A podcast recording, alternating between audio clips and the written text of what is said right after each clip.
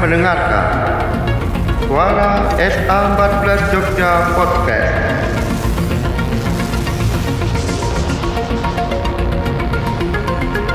Yang disuarakan dari lantai 3 sayap selatan PDM Kota Yogyakarta.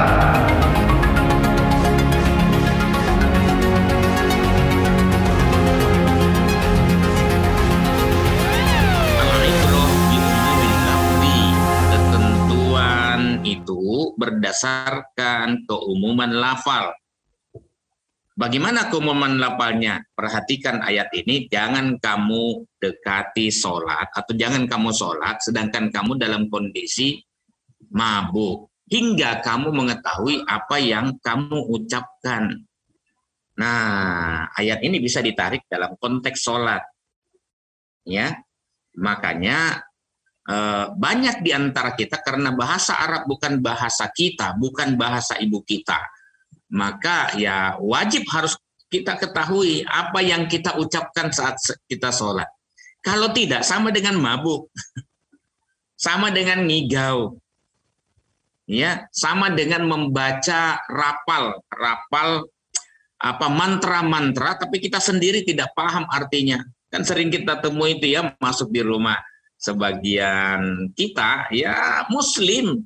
Ada raja di di depan pintunya ya atau pintu kamarnya. Saya baca ini kok huruf Arab tapi nggak nyambung. Ya apa maksudnya? Oh ternyata itu rapal dari mantra dari dukun supaya setan jin itu tidak masuk dalam kamar itu. Padahal itu justru mengundang jin itu ya hati-hati. Jangan campurkan akidah kita dengan yang lain. Nah harus ngerti apa yang ditulis itu. Ya Ah, mungkin yang nulis itu juga nggak paham apa yo? Hati-hati ya. Ini jangan berspekulasi gambling dalam masalah akidah. Nah saya kembali ke sini. Jadi kita harus paham dengan apa yang kita baca. Hatta ta'lamu mata hingga kamu mengetahui apa yang kamu baca makanya orang yang sholatnya benar ya itu tanha anil fasya'i wal mungkar. Jadi dalam kandungan wa akimis sholat, dirikanlah sholat, inna sholat tanha anil fasya'i wal mungkar. Sesungguhnya sholat mampu mencegah perbu- perbuatan keji dan mungkar. Kalau ada orang yang sholat, lalu dia tetap melaksanakan eh, maksiat. Istilahnya dulu apa itu STMJ ya. Ya, sholat terus maksiat jalan. Katanya supaya supaya berimbang antara uh, dunia dan akhirat. Astagfirullah, campur-campur lagi. Ya. Nah, kalau ada yang yang seperti itu dia berarti nggak paham itu maknanya sholat. Kalau ada orang yang korupsi, padahal dia juga sholat, berarti sholatnya nggak benar. Ya, nggak benar. Dalam hadis yang saya sebutkan salah satu fungsi sholat itu tanhanil fasya'i wal mungkar dalam buku sholat yang saya tulis itu fa in soluhat soluhasa iru amali apabila sholatnya bagus maka baguslah seluruh amalannya nah, itu kaitannya dengan tanhanil fasya'i wal mungkar sholat itu dikonsepkan oleh Allah mampu mencegah perbuatan keji dan mungkar. Eh kok dia malah langganan dan tidak merasa berdosa melaksanakan korupsi? Sudah sudah biasa. Ya pada saudara-saudara saya teman-teman saya yang terjun ke dunia politik saya berikan hati-hati. Ya mungkin anda baik di awal niatnya bagus tapi kiri kanannya korupsi ah, bisa iri ah, makanya ada orang yang bawa sajadah itu tapi lama-lama karena kiri kanannya, atas bawahnya itu pada korupsi, masa nggak menikmati sajadah, sajadah lama-lama nyingkir. Ya, hati-hati hidup ini hanya sekali. Ya, jangan sampai ketika Allah memanggil kita secara tiba-tiba, wah, kita dalam kondisi bergelimang dosa. Itu bila. Makanya pahami. Ya, pahami orang yang baik sholatnya tidak mungkin dicampurkan, bercampur dengan akhlaknya itu dengan amalan buruk. Wa in soluhat soluhasa iru amali. Apabila sholatnya bagus, maka baguslah seluruh amalannya. Wa fasadat, tapi kalau rusak, ya fasada sahiru amali. Maka rusak seluruhnya. Itu karena apa? Dia sholat tetapi tidak paham dengan apa yang dia baca. Ya, Al-Ma'un itu kan begitu. Coba perhatikan Al-Ma'un yang menjadi ayat kajian wajib di kelangan pengajian Muhammadiyah.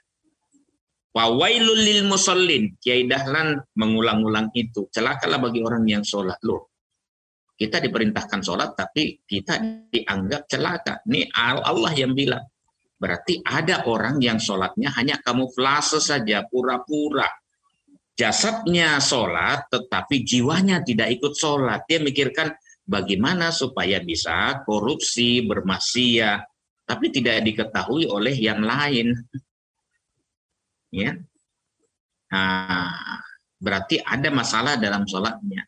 Bukan salah konsep sholatnya. Kita yang tidak paham sholat yang diinginkan oleh Allah dan Rasulnya. Makanya harus kita pahami itu. Ya, pahami maknanya. Ya tentu ada tahapan berikutnya.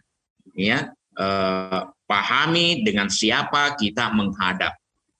Oh, kalau kita benar-benar hadapi apa yang kita yakini, ini Allah yang Maha Agung, Akbar. Allahu Akbar. Allah Maha Besar. Tidak ada yang lebih besar daripada Allah. Amplop kecil, isinya kecil juga ya. Jadi amplop kecil isinya kecil juga. Jutaan tawaran untuk korupsi itu tidak ada apa-apanya dibanding daripada Allah. Nah, itu baru ada pengarutan ha'anil fasya wal mungkar. Allahu Akbar. Allah segalanya maha besar. Nah, baru kemudian uh, baca ayatnya ya Nah, ini. Kemudian uh, surat al uh, yang sebelum Al-Fatihah kita membaca doa iftitah. Ya. Apa doanya? Ya, kita lihat Allahumma ba'id baini wa baina khotoyaya kama ba'atta bainal masyriqi wal maghrib Allahumma nakkini minal khotoya kama yunaqqas saubul abyadu minat danas Allahumma gasil khotoyaya bil ma'i wastalji wal barad. Itu muttafaqun alaih. Ya uh, disepakati oleh Bukhari Muslim. Allahumma ya Allah ba'id jauhkanlah baini antaraku wa baina khotoyaya dan antara dosa-dosaku. Kama ba'atta sebagaimana engkau jauhkan bainal masyriqi antara timur wal maghribi dan antara barat. Masyrik suruk. Nah ada sholat suruk ya. Itu tempat terbitnya matahari. Maghrib, gurub, tempat terbenamnya matahari. Nah, kebetulan di kita ini, ya di dunia, di bumi ini, Masriki itu di di timur ya dan uh, maghrib itu barat. Kemudian Allahumma ya Allah nakini bersihkanlah minal khotoya. Nah karena sudah pakai alif lam minal khotoya tidak pakai yaya Ya, kalau min khotoyaya. Oke. Ini minal khotoya. Ya Allah, bersihkanlah diriku minal khotoya dari dosa-dosa kama sebagaimana yunak saubul abiyadu dibersihkannya kain putih dari kotoran. Jadi kita pahami itu.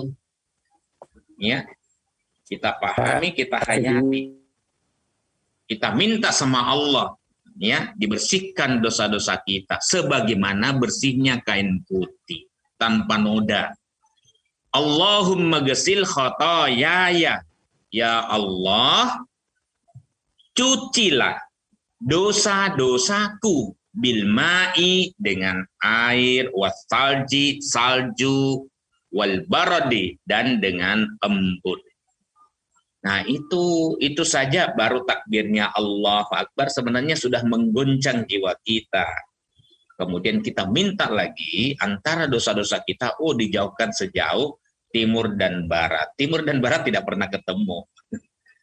ya, kecuali dilumat jadi satu oleh Allah ya sang pemilik sang penguasa ya bersihkan dosa-dosa kita seperti bersihnya no apa uh, kain putih dari noda ya Allahumma gesil khotoya, ya, ya Allah, uh, cucilah dosa-dosaku dengan air, embun, dan uh, salju, salju dan embun. Itu hadis riwayat jamaah kecuali at-Tirmidzi. Lalu ta'awud, ya ta'awud atau isti'adzah. Minta perlindungan pada Allah. Ya. A'udzu billahi minasyaitonir rajim. Aku berlindung kepada Allah dari syaitan yang terkutuk berlindung pada Allah karena memang syaitan tidak pernah istirahat, tidak pernah leren. Ya dulu Pak Jindar bilang ke kita, ya setan akan selalu mencari celah untuk menjerumuskan kita supaya dia ono kancane, ada temennya, ya. Nah, dan itu memang sudah mendapat izin dari Allah, ya dia minta izin, ya sudahlah. Tapi kamu tidak bisa menggoda hambaku yang ikhlas beribadah kepada aku. Ikhlas itu apa? Murni ibadahnya hanya karena Allah dan hanya kepada Allah. Nah, ikhlas itu susah digoda. Tidak bisa bahkan kata Allah. Kamu tidak akan bisa menggoda hambaku yang ikhlas. Ya, Nah ini An-Nahl 68. Nah, kemudian baru baca Al-Fatihah. Bismillahirrahmanirrahim itu ayat pertama dari Al-Fatihah. Boleh disirkan, boleh dijaharkan. Ini menurut Muhammadiyah. Jadi silahkan dipilih. Yang penting dibaca karena dia merupakan ayat pertama dari Al-Fatihah. Tidak boleh ditinggalkan. Ya, nah, kalau umumnya ulama memang e, membaca dengan sir tapi kalau membaca dengan jahar, dengan suara keras juga boleh. Seperti yang diambil oleh, dipegangi oleh Imam Ash-Syafi'i. Bismillahirrahmanirrahim. Alhamdulillahi Rabbil Alamin. Ar-Rahmanirrahim. Maliki yaumiddin. Iyaka na'budu wa iyaka nasta'in. Hati-hati saya kadang mendengar orang salah baca ya orang uh, ya iya karena budu wa iya karena stain karena panjang semua kan? Ar-rahmanir rahim alamin. Ar-rahim. Addi na'budu wa iyyaka nasta'in. Na'budunya pendek. Iyyaka na'budu wa iyyaka nasta'in. Ihdinas siratal mustaqim. Siratal ladzina an'amta 'alaihim ghairil maghdubi 'alaihim waladdallin. Amin. Nah, Bismillahirrahmanirrahim. Kita pahami maknanya dengan nama Allah yang Maha Pemurah lagi Maha Penyayang. Alhamdulillah alnya itu segala. Alhamdulillah segala puji. Lillahi bagi Allah. Rabbil alamin. Tuhan semesta alam. Ya, atau kalau Bung Karno, Tuhan seru sekalian alam. Ar-Rahmanir Rahim. Yang maha pemurah lagi maha penyayang. Maliki yaumiddin ya boleh dibaca maliki yaumiddin. Boleh dibaca maliki yaumiddin. Ya yang menguasai hari pembalasan. Iyyaka na'budu. Hanya kepadamu kami menyembah. Wa iyyaka dan hanya kepadamu nasta'in kami minta tolong. Ya iyyaka na'budu bukan na'buduka na'buduka kami menyembah kepadamu. Mungkin juga masih menyembah kepada yang lain. Tetapi ketika dilakukan inversi kalimat oleh Allah objeknya dikedepankan iyaka hanya kepadamu tidak kepada yang lain nak budu kami menyembah. Wa iyyaka dan hanya kepadamu nasta'in kami minta tolong ihdinas siratal mustaqim. Tunjuki kami jalan yang lurus. Siratal ladzina an'amta alaihim yaitu jalan orang-orang yang telah engkau berikan nikmat kepadanya. As-sabiqunal awwalun yang menempuh jalan lurus seperti jalannya para nabi, jalannya para suhada, ya, jalannya orang-orang soleh yang mendahului kita. Goiril maghdubi bukan jalan orang yang dimurkai, yang dikutuk. Bukan jalan orang yang dikutuk, jalan para pendosa, jalan orang-orang yang zalim, yang dicatatkan dalam sejarah ataupun yang tidak, tapi kita tahu ini zalim. Zalim. Hati-hati. Waladolin dan juga bukan jalan orang yang sesat. Ya. Yang dimurkai itu ya berbuat zalim. Ya. Uh, hukum para koruptor itu diringankan kalau ada yang mendapatkan Islam dilecehkan, ditertawakan, jadikan bahan tertawaan, menghukum orang yang melebihi hanya karena kebencian. Kemarin saya di Jogokarian saya khutbahkan ini. Ya, jelas ayatnya Al-Maidah, An-Nisa itu mengatakan jangan tegakkan keadilan karena Allah. Jangan kamu menghukum sesuatu kaum hanya karena kamu tidak suka dengan orang itu, kaum itu. Tapi jangan juga membela suatu kaum karena itu melibatkan dirimu, orang tuamu dan karib kerabatmu. Ya hati-hati, ya. Nah, kemudian eh dulu tetap berbuat adil huwa akrobulit takwa. Nah, kita kalau kiri kanan sudah zalim, kita jangan ikut zalim. Nah, bagaimana caranya? Ada solusi dari Nabi sallallahu alaihi wasallam. Ya, tetap menjadi orang asing. Tuba lil guroba. Maka di situ berbahagialah orang-orang asing itu. Kezaliman lingkungan yang sudah luar biasa. Walad dolin dan juga bukan orang-orang yang sesat. Nah itu aja sudah sebenarnya goncangkan jiwa kita untuk kita istiqomah. Ya, kemudian setelah itu kita baca ayat-ayat, ya. Nah, tapi ini berapa ini? Ah, saya lihat uh, jam 5.30. Ya, saya persingkat saja. Kalau ayatnya saya tidak terjemahkan ya sekali yang yang jelas ayat yang yang langganan Muhammadiyah Al-Maun dengan Al-Ikhlas. Oh, Al-Ikhlas lebih banyak. Um, apa ayat yang disukai hampir orang. Ya. Nah, itu uh, dipahami itu luar biasa itu. Kalau al, al baun sudah sering. Kul katakanlah al ikhlas wallahu ahad dialah yang maha esa. Allahu bergantung. Tempat yang lain.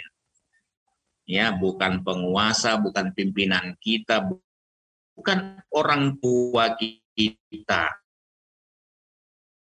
Tidak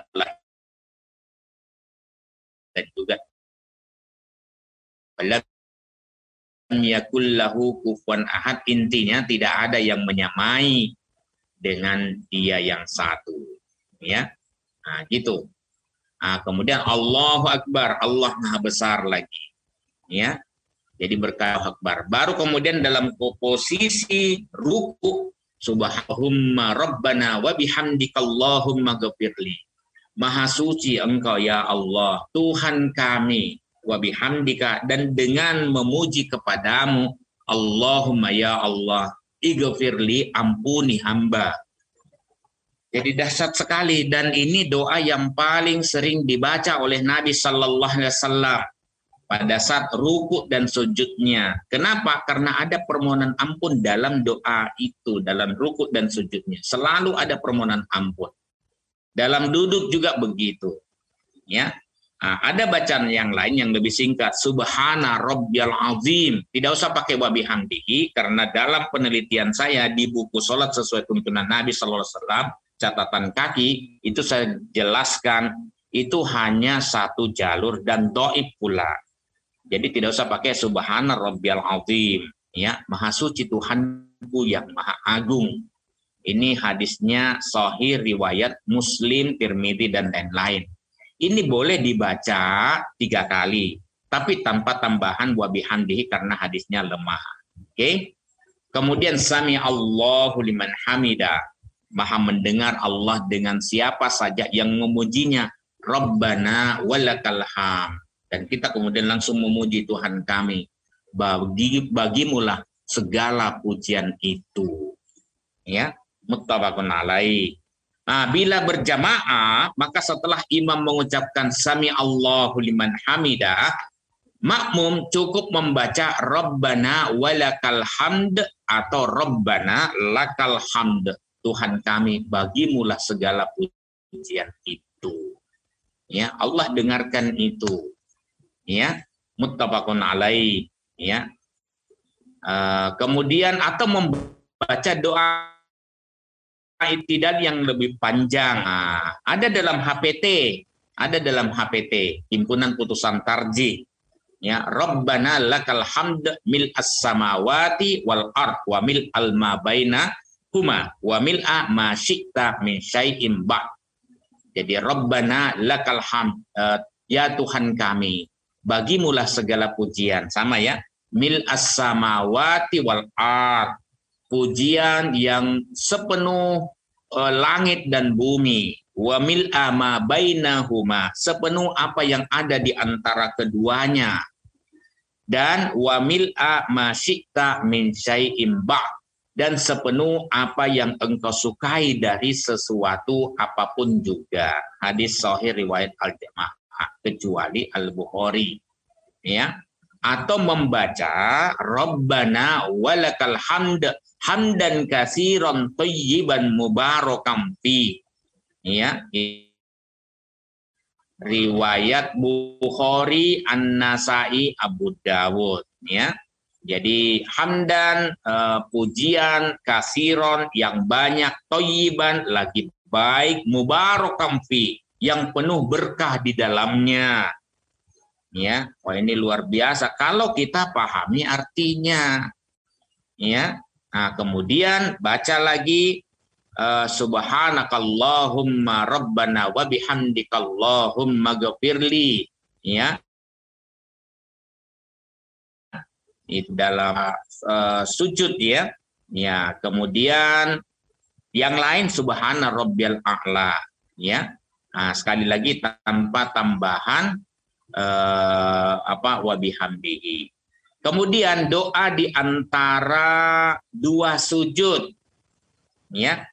Allahumma gafirli ya Allah ampuni hamba. Warhamni. Sayangi hamba. Wajeburni cukupi hamba. Wahdini. Bimbing hamba. Warzukni. Dan berikan rezeki pada hamba ini yang hadisnya Hasan riwayat Tirmidzi, Abu Dawud, Ibn Majah, ya. Ini hadisnya yang uh, Hasan. Jadi Hasan termasuk hadis makbul. Makanya bacaan itu kalau guru kami dulu ya Pak Pratib Juraimi tidak tahu kenapa tadi itu saya terbayang aja beliau ya karena kemudian saya doakan Allah maghfirlahu warhamhu wa'afi karena dia guru saya dan mengajari saya tentang sholat yang sesuai dengan sunnah Nabi Shallallahu Alaihi Wasallam. Nah, kalau membaca tidak usah cepat-cepat, lama-lama dinikmati. Allahumma ghafirli ya Allah, ampuni hamba, warhamni sayangi hamba. Ya supaya masuk itu bacaan ke dalam jiwa kita. Ya, nah, ketika masuk kita akan berpikir itulah yang kemudian membentuk masa saya minta ampun terus tetapi dosa juga berpikirlah apa mungkin Allah mengampuni kita? Ah, berpikir itu. Ya pasti Allah tetap mengampuni kita karena Allah maha pengampun ya. Untuk dosa-dosa kecil antara sholat satu dengan sholat yang lain maka terhapus dosa-dosa kita sebelumnya. Antara Jumat satu dengan Jumat yang lain dihapuskan, tapi itu khusus dosa-dosa kecil, ya. Uh, apa namanya? Kalau dosa besar seperti membunuh orang yang tidak bersalah, siapa pun dia, bukan hanya Muslim, ya makhluk Allah, ya manusia yang non Muslim, kalau dia tidak salah, kafir sekalipun tidak boleh dibunuh kalau tidak salah ya nah dia manusia juga yang ada adalah dakwah ya mengajak dia untuk ke jalan Allah ya nah itu jadi tidak boleh korupsi merusak alam ya secara sistemik wah itu itu itu tidak boleh sekali itu larangan haram haram jadi tidak boleh dilakukan nah itu jadi dipahami bacaan itu nah doa tasyahud ya At-tahiyatu lillahi wassalawatu. Ya. Assalamu alayka ayyuhan nabiyyu wa rahmatullahi wa barakatuh. Assalamu alayna wa ala ibadillahi salihin. Ashhadu an la ilaha illallah wa ashhadu anna Muhammadan abduhu wa rasuluh. Segala kehormatan milik Allah ya segala uh, permohonan dan kebaikan salawat itu kan doa nah adalah milik Allah keselamatan assalamu alaika keselamatan rahmat dan berkah Allah untukmu wahai nabi. Ya kemudian assalamu alaina. Kita juga berselawat kepada kita. Ya keselamatan pula atas kami. Wa ala ibadillahi salihin. Dan atas Allah yang salih. Asyhadu alla ilaha illallah. Saya bersaksi tidak ada Tuhan selain Allah wa asyhadu anna muhammadan abduhu wa rasuluh dan saya bersaksi bahwa Muhammad adalah hambanya dan utusannya. Nah, kemudian salawat dalam tasyahud oh ya untuk bacaan tahiyat, macam ragamnya. Ah, boleh at-tahiyatul mubarakatus sholawatut thayyibatu lillah. Boleh. Ya. Boleh juga ini at-tahiyatul lillahi was sholawatu wat. Yang penting ada dasar hadisnya yang makbul. Untuk sholawat dalam tasyahud, Allahumma salli ala Muhammad wa ala ali Muhammad kama sallaita ala Ibrahim wa ali Ibrahim wa barik ala Muhammad wa ali Muhammad kama barakta ala Ibrahim wa ali Ibrahim innaka Hamidum Majid innaka Hamidum Majid? Boleh. Hadisnya riwayat Muslim. Ya ini uh, rawahul jamaah kalau yang ini redaksinya. Ya ya Allah berikanlah salam kepada Muhammad dan keluarganya. Bagaimana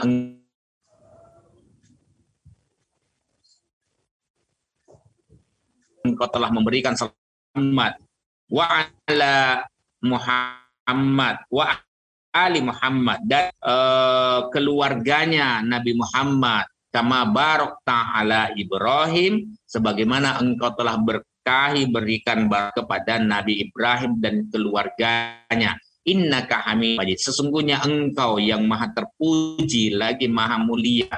Nah, untuk doa akhir tasyahud awal, Allahumma inni tu nafsi zulman kasiron. Ya Allah, menzalimi diri sendiri dengan kezaliman yang sangat banyak. Wala yaghfirud illa anta. Padahal tidak ada yang bisa mengampuni dosa-dosa kecuali hanya engkau. Pagfirli maka ampunilah hamba. Magfirotan dengan sebuah ampunan min indi dari sisimu. Warhamni dan sayangi hamba. Innaka antal ghafurur rahim. Karena engkaulah yang sesungguhnya maha pengampun lagi maha penyayang. Nah, kemudian doa akhir tasahud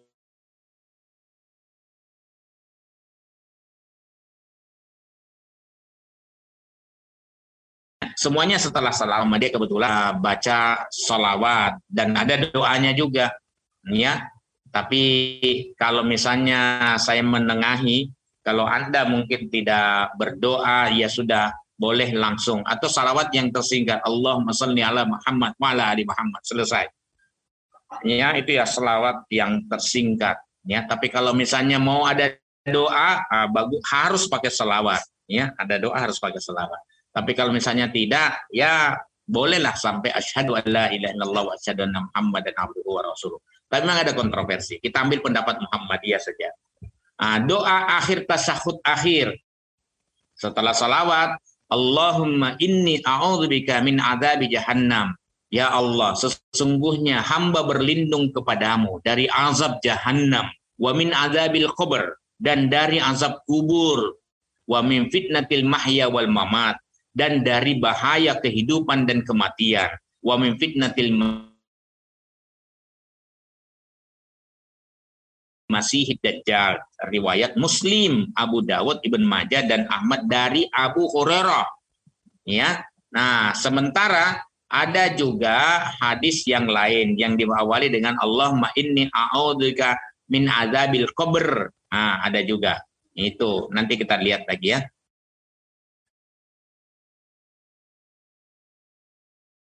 Nah, salam akhir astagfirullah ke kanan dan ke kiri. Ya, boleh pakai wabarakatuh. Kebetulan untuk saya, kalaupun misalnya pakai wabarakatuh ke kanan saja, karena yang ke kiri itu kontroversinya terlalu banyak. Kita pakai kaidah al-muttafaqu alai aula minal mukhtalafifi yang disepakati atasnya lebih diutamakan dibanding daripada yang diperselisihkan atasnya. Ya, ini uh, kemudian istighfar setelah salam astagfirullah, astagfirullah, astagfirullah. Saya tidak pakai al-azim karena hadisnya kebetulan tidak menyebutkan al-azim. Al-azim ya benar dalam ayat itu ya. Uh, Allah al-azim, Allah Maha Agung. Tapi untuk zikir ini saya hanya astagfirullah, astagfirullah, astagfirullah. Kadang saya pakai bacaan panjang Astagfirullah alladzi la ilaha illa huwal hayyul qayyum wa atubu ilaih. Nah, di sini bacaan panjang ini ada juga hadis yang menyelipkan Astagfirullahal azim alladzi la ilaha illa huwal hayyul qayyum wa atubu ilaih. Jadi itu uh, nanti dibaca ya, uh, pahami artinya. Nah, kemudian setelah istighfar dituntunkan membaca Allahumma antas salam wa minkas salam tabarak ya jalali wal ikram. Allah mantas salam, ya Allah engkau maha sejahtera. Wa minkas salam, engkaulah sumber kesejahteraan. Tabarok tayadzal jalali wal ikram, engkau maha memberkahi, wahai yang empunya keagungan, wal ikram dan kemuliaan. Hadis sahih riwayat Muslim, Ahmad An-Nasai At-Tirmidzi. Ya. Nah, kemudian itu dilanjutkan dengan tasbih, tahmid dan takbir masing-masing 33 kali Subhanallah, alhamdulillah 33 kali, Allah Akbar 33 kali. Ya, ah, tidak usah cepat-cepat, ya, tidak usah cepat-cepat. Nikmati itu, pahami maknanya. Setelah itu disempurnakan dengan bacaan tahlil. La ilaha illallah la syarikalah. Lahul mulku wa lahul hamdu wa huwa ala kulli syai'in qadir. Ada yuhyi wa yumit wa huwa ala kulli syai'in qadir. Boleh, ya hadisnya juga sahih. Nah, itu bacaannya. Setelah tahlil bisa langsung membaca Allahumma la mani alima a'toita wa la mu'tiya lima mana'ta wa la yanfa'u dal jaddi minkal jad. Ya Allah, la mani alima mana'ta. Tidak ada yang mampu mencegah pada apa yang engkau beri wala mu'tiya lima manata. Dan tidak ada yang mampu memberi pada apa yang engkau cegah. Wala yang fauzal jaddi minkal jad. Dan tidak bermanfaat yang memiliki harta dan usaha apa pun bagimu. Ya nah, rangkaian doa ini bisa dibaca di awal setelah istighfar astagfirullah astagfirullah bisa. Tapi bisa juga setelah eh, uh, 33 kali. Itu ditambah dengan tahlil la ilaha illallah untuk menyempurnakan. Jadi 100 totalnya. Nah, kemudian ini bacaannya. Tah, uh, masih baca la ilaha illallah wahdahu la syarikalah lahul mulku wa lahul hamdu wa huwa ala kulli syai'in qadir. La haula wa la quwwata illa billah. La ilaha illallah wa la na'budu illa iya. Lahun ni'matu wa lahul fadlu wa lahus sana'ul hasan. La ilaha illallah mukhlishina lahuddin. Walau karihal kafirun tidak ada Tuhan selain Allah yang Maha Esa. La syarika lahu. Tidak ada sekutu baginya. Lahul mulku. Baginya lah uh, kekuasaan. Walahul hamdu dan pujian. Wa huwa ala kulli syai'in qadir. Dan dia maha kuasa atas segala sesuatu. La haula wala quwata illa billah. Tidak ada daya dan kekuatan kecuali hanya Allah la ilaha illallah tidak ada Tuhan selain Allah wala na'budu illah dan tidak ada yang pantas kami sembah kecuali hanya kepadanya.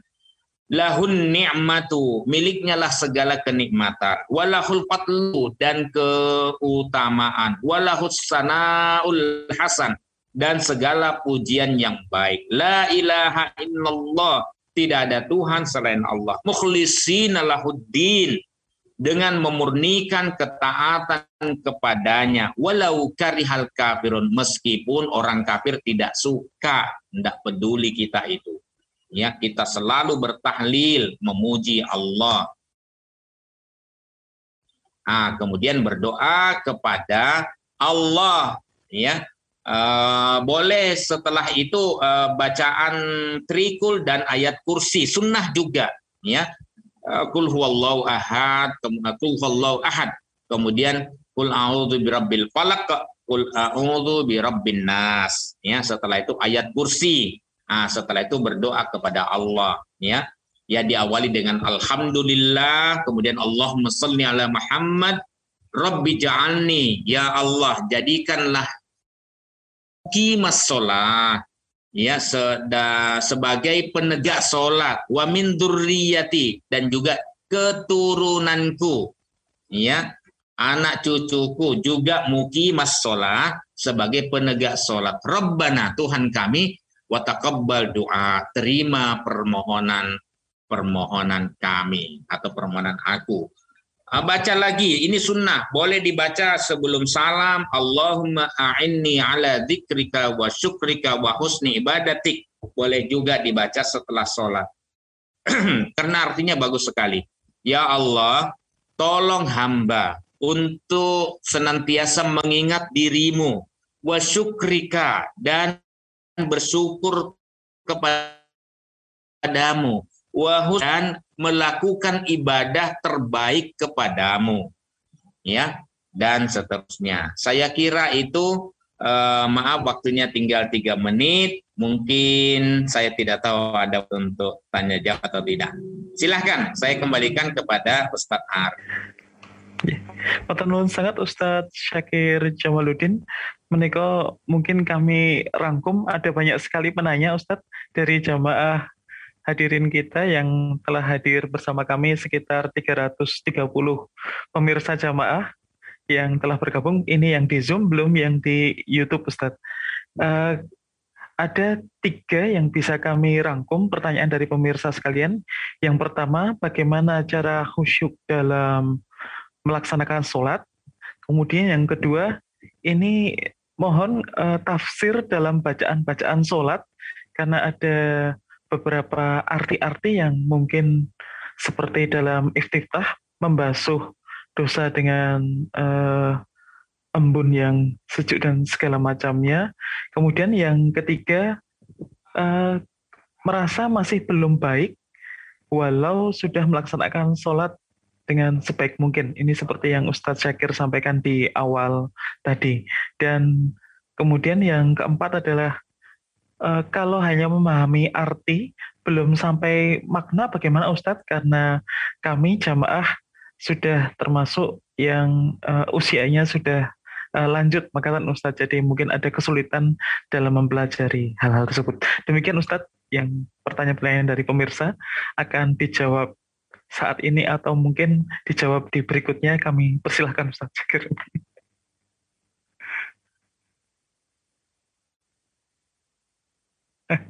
yang bangun Ustaz, mikrofon pun belum aktif Ustaz. Matur nuwun atas pertanyaannya. Untuk khusyuk bisa diteorikan, ya ada tata caranya. Tetapi ketika kita melakukan ternyata memang bukan hal yang mudah. Ya teorinya kita dapat.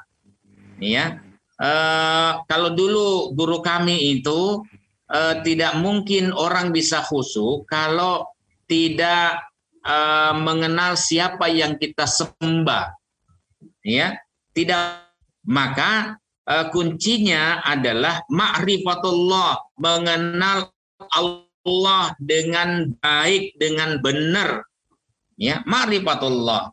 Orang yang tidak mengenal Allah mustahil untuk khusyuk. Ya dengan siapa dia berhadapan ya ya samalah dengan kita pimpinan kita ini kita kenal siapa dia kita akan khusyuk mendengar dia mendengar perintah dia tapi kalau misalnya kita ini orang pecundang ini, ya mungkin ya masuk telinga kanan, keluar telinga kiri. Tapi kalau ini Allah, makanya mengenal Al-Asma'ul Husna, kajian itu, nama-nama Allah yang indah, itu bisa mendekatkan kita kepada Allah.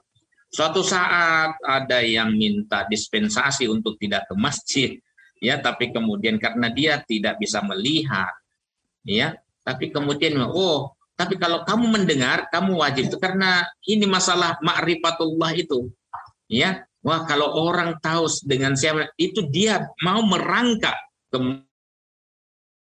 ya hanya untuk mendekatkan diri kepada Allah.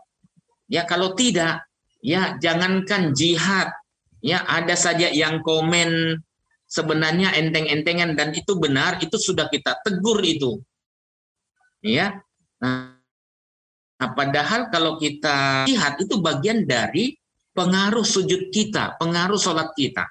Karena tidak mungkin uh, kalau orang tidak tidak suk itu ya tidak mungkin dia kemudian membiarkan kezaliman terjadi di depan matanya tanpa komen. Ya. Jadi kalau ada yang komen itu ya hanya sampai di lisan, ya. Tapi tentu kalau misalnya mau pergerakan, bergeraklah dengan bijak tidak harus secara vulgar. Jadi itu kira-kira ma'rifatullah itu yang paling penting. Setelah itu baru bacaan sholat. Ada hal-hal yang lain. Hindarkan hal-hal yang bisa me mengalihkan perhatian kita. Mis maaf, eh, sholat ada suara ribut. Ya, sudah menjadi kesepakatan. Jadikan kesepakatan ketika kita sholat sunat di rumah karena sholat wajibnya itu di masjid, tidak boleh ada suara. Handphone ikan suaranya. Ya, jangan juga digetarkan. Udah, matikan, jauhkan. Televisi, radio, orang yang bersuara sudah. Wah, kalau ada yang begitu habis sholat marah kita ya. Ya, Pak Prapta juga dulu marah gitu. Ya, ada yang ini ngobrol terdengar itu. Jangankan yang seperti itu, ketika Nabi Shallallahu Alaihi Wasallam sholat dan ada yang mengeraskan bacaan sholatnya di belakang Nabi, setelah itu Nabi SAW, siapa tadi yang mengeraskan suaranya? Kamu mau mengganggu pada sholat saya? Tidak boleh. Nah, kalau sudah jadi makmum, itu makmum loh ya, bukan ini. Nah, makanya harus harus mendengar, mengikuti boleh, tapi mendengar itu tidak boleh ribut dan tidak boleh mendahului. Jadi itu dia. Ya, kemudian ya gambar-gambar. Nabi SAW ada gambar di kita punya gambar di ininya jadikan apa namanya uh, yang menghalangi suruh singkirkan itu. Ya nah, jadi itu kira-kira segala hal yang kira-kira makanya uh, kalau dulu Pak Prapto malah ini yang dari, dari sholat kita itu sajadah saja yang gambarnya Masjidil Haram, Masjid Nabawi itu polos tidak ada yang menentukan Masjidil Haram itu ada di sana gitu. Ya, Tidak ada, polos saja supaya dia bisa khusyuk gitu. Ya nanti kalau misalnya Masjidil Haram padahal sudah direnov tuh. Ini Masjidil Haram tahun berapa ya? Nah, ini Masjid Nabawi tahun berapa? Sekarang sudah ada letaknya di tanah, malah dia bisa menggambar. ya, makanya saya Pak Prapto itu kalau misalnya sudah ada sajadah bergambar dikasih karena untuk penghormatan dia lipat, dia tetap menghormati tapi dia dudukin, dia tidak ada gambar. Jadi itu gambar. Ya Pak Dunui uh, itu juga mengajarkan kita. Pernah ada yang sholat di mualimin itu sedang sholat begitu ada tulisan di belakangnya. Orangnya ceking, kurus, tapi tulisannya ada singkat itu. Kekar. Kekar. Nah, tapi tulisan itu sudah mengganggu kehusuan dia. Ya, ada juga dulu tulisan, maaf ya, ini satu merek tertentu, itu tulisannya begini. Pas karena yang dibolehkan itu melihat ke depan. Melihat ke depan ada tulisan begitu. Ngapain sih tuh lihat dia? Dia tahu aja. Kalau situ mau aja sendiri. Lu, dia tahu gitu. Padahal menjengkelkan. Itu kira-kira Ustaz. Jadi uh, dari suara, dari gambar, bahkan dari aroma mulut. Nabi SAW melarang makan makanan yang beraroma kuat bawang, bawang ya. Oh, itu aromanya. Nah, kalau sekarang jengkol, pete, ya. Nanti waduh itu atau maaf ya, eh, tembakau. Tembakau. Ya, karena ada yang wah pakainya linting lagi tuh pada saat sholat itu. Waduh, aromanya ke mana-mana. Sekarang tidak begitu tercium aroma, bukan kena COVID ya. Tapi karena kita pakai masker. Jadi gitu ya. Nah, tapi ma'rifatullah setelah itu memahami bacaan sholat yang kita baca supaya meresap, ya menghindarkan suara-suara yang bisa mengganggu dan kemudian gambar, ya termasuk aroma. Saya kira itu Ustaz karena jamnya sudah lebih, mungkin kapan-kapan kita bisa lanjut. Ya, dari saya cukup sekian. Billahi topik wal hidayah. Wassalamualaikum warahmatullahi wabarakatuh.